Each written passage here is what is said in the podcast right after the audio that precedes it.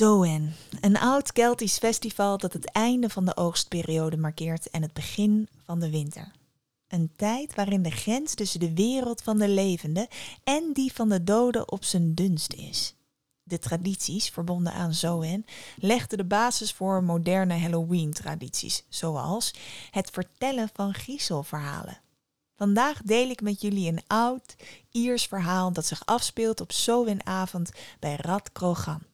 Tegenwoordig kun je op deze Ierse plek nog steeds ronddwalen door grotten waarvan geloofd wordt dat zich daar de opening naar het Elfenrijk bevindt. Dit is Tien Wijze Heksen, een podcast vol sprookjes, mythes, verhalen en legenden. Vandaag het verhaal van het avontuur van Nera. Het was zo een avond. De avond waarbij de sluier tussen deze wereld en de volgende op zijn dunst is. Een nacht vol geesten, elfen, andere magische wezens. Een nacht waarbij het wellicht wijzer is om binnen te blijven. En zo was het dan ook dat het volk van koning Ayul en koningin Mee van Rad Krogan bij hun thuis feest vierde. Er werd honingwijn gedronken, er werd gedanst, spelletjes gespeeld. Toen plotseling koning Ayul uitriep: Ik heb een plan. Ik heb een gouden idee voor een ware spooktocht. Luister, zien jullie dit zwaard? En hij toonde de mensen een prachtig zwaard met een gouden handvat.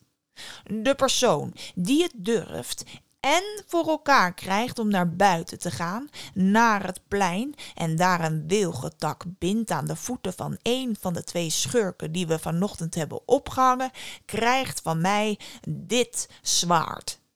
Er steeg een goedkeurend gemompel op. En er waren meerdere mannen die zichzelf dapper genoeg achten om een poging te wagen. Maar stuk voor stuk keerden ze al snel weer naar huis. Ze keerde terug met verhalen over, over grote, vervaarlijke katten, angstaanjagende, doorzichtige vrouwwezens. En uiteindelijk was er nog maar één man over die het wel wilde proberen. Nera. En zo ging Nera naar de gehangenen op het plein en begon de wilgetak om de voeten te binden van een van die twee mannen die daar bungelden. Maar hoewel de tak buigzaam was, schoot hij steeds weer los.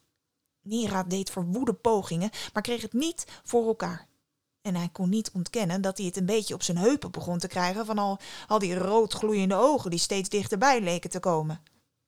Pst, hé, hey, steek hem in mijn enkel.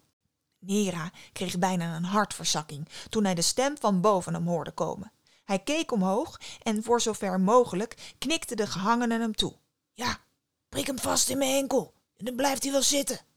En ja, ja, het lukte. Oh, man, dank je wel, riep Nera uit. Hé, hey, als er iets is wat ik voor jou kan doen... Nou, nou, nu het vraagt. Ik heb echt ongelooflijk veel dorst, zei de gehangene. Ja, man, ik had al dorst toen ze me ophingen. En het is er niet beter op geworden, dus... Ja, kun je me misschien meenemen om ergens een slokje water te drinken?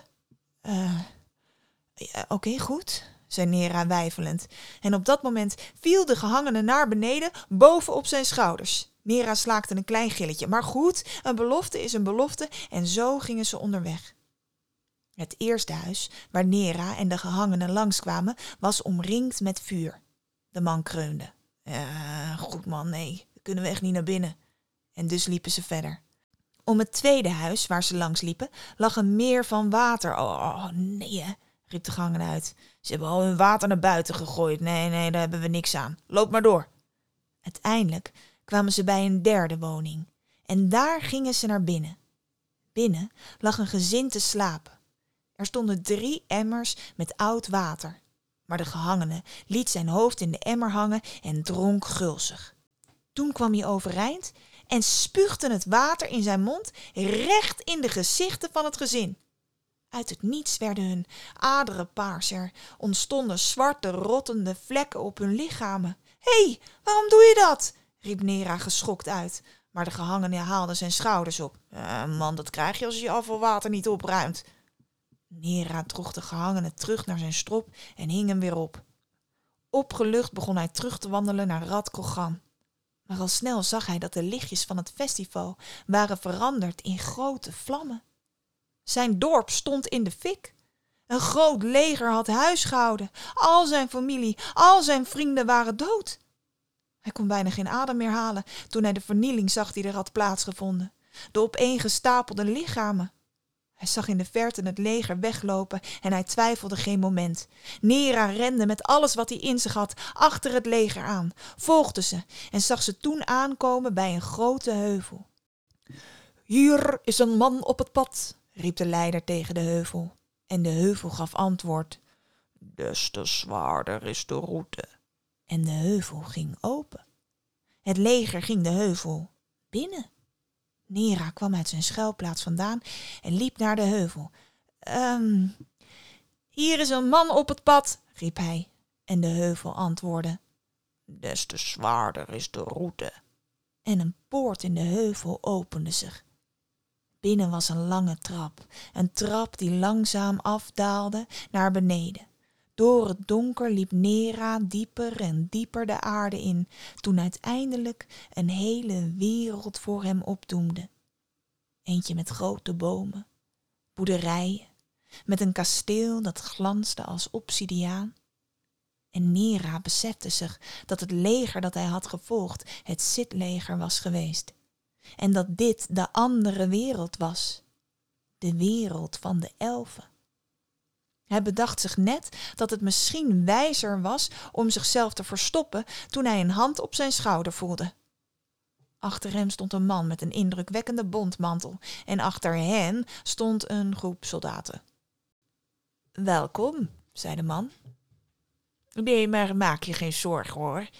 Ik ben de, de koning van de Zit en als ik niet had gewild dat je hier was, dan zou je simpelweg niet hier zijn. En hij knipoogde naar Nera. Jij bent een moedig mens, Nera, begon de koning.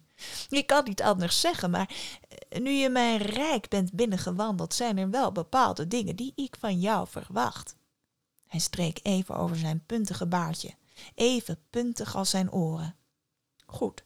Vanaf nu haal jij iedere dag brandhout voor mij uh, bij de vrouw die daar in die, ja, die, die daarachter, die, precies, die boerderij woont. De koning glimlachte nog eens, klapte in zijn handen en de soldaten volgden hem richting het grote, indrukwekkende paleis. Nera was stiekem best nieuwsgierig naar de veeënvrouw waar hij brandhout voor moest sjouwen. En dus wandelde hij naar de boerderij. Toen ze opendeed, besefte hij dat er slechtere straffen waren, want ze was werkelijk indrukwekkend mooi. En dus begon hij iedere dag brandhout voor haar te halen en de twee waren al snel vreselijk verliefd. En iedere dag dat hij sjouwde, kwam hij een intrigerend stel tegen. Twee elfenmannen, waarvan er eentje blind was en de ander kreupel. De blinde man droeg de kreupele man op zijn rug, waarbij de kreupele man de blinde man aanwijzingen gaf hoe hij moest lopen. Iedere dag liep het duo, dat wil zeggen de blinde man liep, naar de put. De blinde man boog dan een beetje voorover, zodat de kreupele in de put kon kijken. En, is hij er nog? riep de blinde dan, waarop de kruipele blij riep. Ja, ja man, hij is er nog. Op een dag kon Nera zijn nieuwsgierigheid niet meer bedwingen en vroeg de mannen wat er dan in die put lag. Eh, dat is de kroon van de koning natuurlijk, riep de blinde. Ja, ja, zei de kreupele. Eh, en het is onze plicht om te controleren of hij er nog ligt. Maar waarom is dat jullie plicht? vroeg Nera. De mannen begonnen te lachen. Ja, omdat wij de enige zijn die die kan vertrouwen natuurlijk, riep de blinde uit. Ik bedoel, ik ben zo blind, ik zou dat ding niet kunnen vinden. Uh, en ik ben zo lam, riep de kreupele uit, dat ik er niet mee weg zou kunnen rennen. Op een nacht vroeg zijn mooie veeënvrouw aan Nera om haar te vertellen over zijn leven voordat hij bij haar was. Nera schrok. Hij had eigenlijk geen idee hoe lang hij hier nu al was. De tijd voelde vreemd in de andere wereld. Dagen konden voelen als uren en een uur als een week.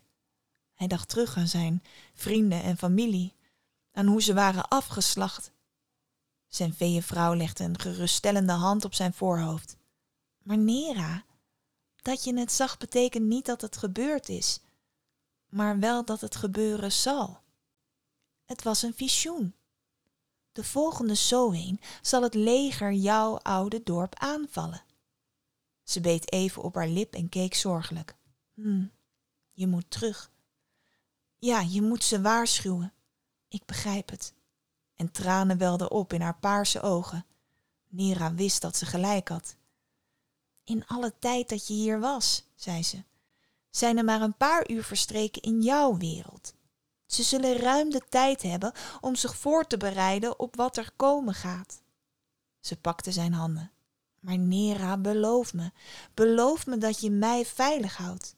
Mijzelf en het kind in mijn buik. Verbaasd keek Nera haar aan. Moest hij werkelijk vertrekken nu hij vader zou worden? Ja, ik zorg dat jullie veilig zijn, dat beloof ik. Maar hoe zullen de mensen uit mijn dorp ooit geloven dat ik hier ben geweest? Oh, maar dat is simpel, zei zijn veeënvrouw. In jouw dorp is het winter en hier is het zomer. Pluk gewoon een paar bloemen en dan zullen ze je echt wel geloven. En zo trok Nera terug naar zijn dorp. Daar was het alsof er maar enkele uren voorbij waren gegaan. Hij liet de bloemen zien aan koning Ayu en koningin Maeve en vertelde hen wat hem allemaal was overkomen. De koning en koningin geloofden zijn verhaal. Een jaar lang verbleef hij in zijn dorp, toen het opnieuw Sowen werd en het koninklijke echtpaar tegen Nera zei dat het tijd was dat hij terugging naar de andere wereld om zijn gezin te redden. Want voordat het elfenleger hun zou kunnen aanvallen, zouden ze zelf de andere wereld binnentreden en verwoesten. Nera rende naar de heuvel, trad binnen, rende naar de boerderij van zijn elfenvrouw. Zij deed open, een klein laagje zweet op haar voorhoofd. Ze duwde hem een stapel brandhout in de armen. Oh, eindelijk, je bent terug. Ik heb de koning wijsgemaakt dat je ziek was. Iedere dag heb ik zelf het brandhout naar hem toegebracht. In de hoek van de kamer zat een peuterjongetje. Snel begon Nera zijn veeënvrouw, zijn kind en een prachtige koe waar zijn vrouw en kind nogal wat waarde aan schonken in veiligheid te brengen. Daarna vielen de legers van koning Ajoel en koningin Meef het Elfenrijk binnen en versloegen het volk. Ze droegen de mooiste schatten en zelfs de kroon uit de put ging mee naar buiten. Tot Nera en zijn gezin weer tevoorschijn kwamen. Het was stil in het Elfenrijk, maar het was er nog even groen en nog even mooi. En ze pakten elkanders handen en liepen hun huis binnen en daar bleven ze. En tot de dag van vandaag kwam Nera het Veeënrijk niet meer uit.